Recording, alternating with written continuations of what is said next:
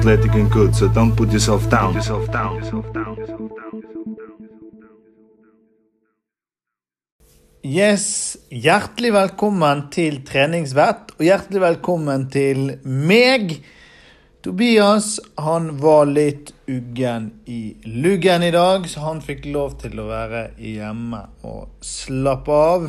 Så Tobias, god bedring til deg. I dagens episode så skal jeg snakke litt om å bare gjøre det. Just do it. Få det gjort. Mange slagord rundt dette her. Men det er så digg når ting er gjort. Og kongen av å prokrastinere eller å utsette ting, det tror jeg må være meg. Å være helt ærlig med dere, jeg er så utrolig god på det. Hvis det er noe jeg ikke har lyst til å gjøre, så gjør jeg alt jeg kan, alt i min makt, for å unngå å gjøre det. Jeg er altfor god på det. Og det er noe jeg jobber med nå. Veldig mye for tiden. Så jobber jeg med dette for å bli bedre på å bare gjøre ting. Det kan være store oppgaver, det kan være små oppgaver.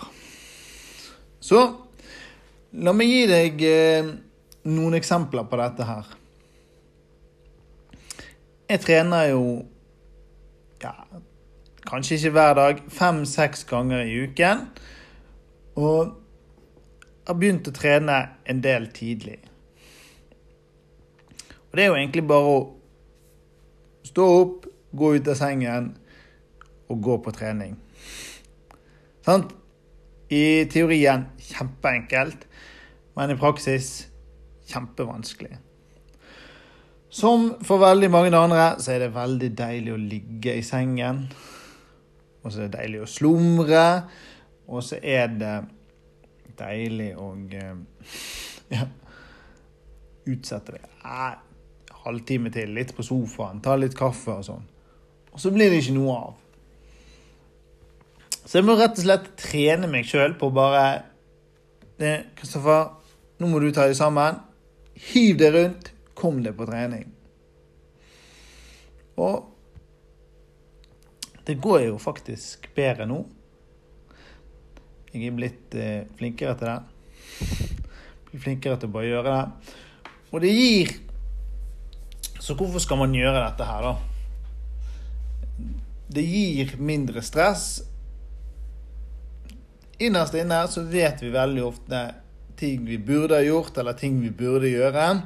Men så er hvis det kommer til oppgaver som er kjedelige, eller som er ja, tar litt tid, vi kan se på så store, så er det lett for at vi utsetter. Men det er bare å komme i gang. Det er bare å gjøre det. Det blir ikke verre. Det blir, eller det blir ikke bedre, det blir bare verre. Og det lager bare mer stress for deg sjøl. Så hva kan du gjøre, da? Hva kan du gjøre og bare gjøre det? Jo, skriv ned to-tre ting du vet at du må gjøre i dag. Og som du kan gjøre i nærmeste fremtid. Og så bare gjør du. Nummer én på listen bare gjør det. Og så kjenner du etter. Det var litt digg, da. Så kan du begynne med små oppgaver, og så kan du arbeide deg oppover til å gjøre større og større oppgaver. Jeg har jo litt eh, bedriftstrening og trener en del ledere og trener litt forskjellig. Folk og jeg spurte ikke altså, hva er det som Dere får jo gjort så vanvittig mye. Vi bare gjør det. Vi bare hiver oss rundt og gjør ting med en gang. Så en annen ting jeg har begynt til å gjøre, begynt på er jo dette med eh, isbading, eller bading i kaldt vann. Jeg hater det så intenst. Det er så dritt. Og jeg er så utrolig god på å bare stå på kanten der, ta foten sånn litt ned i vannet, og så tenker jeg uh, uh, Det blir kaldt. Det blir jo litt kaldt. Så bruker jeg 20 minutter, eller så gjør jeg det ikke i det hele tatt får jeg dårlig samvittighet, så føler jeg meg ja, uvel. Det blir mye bedre å bare gå rett uti.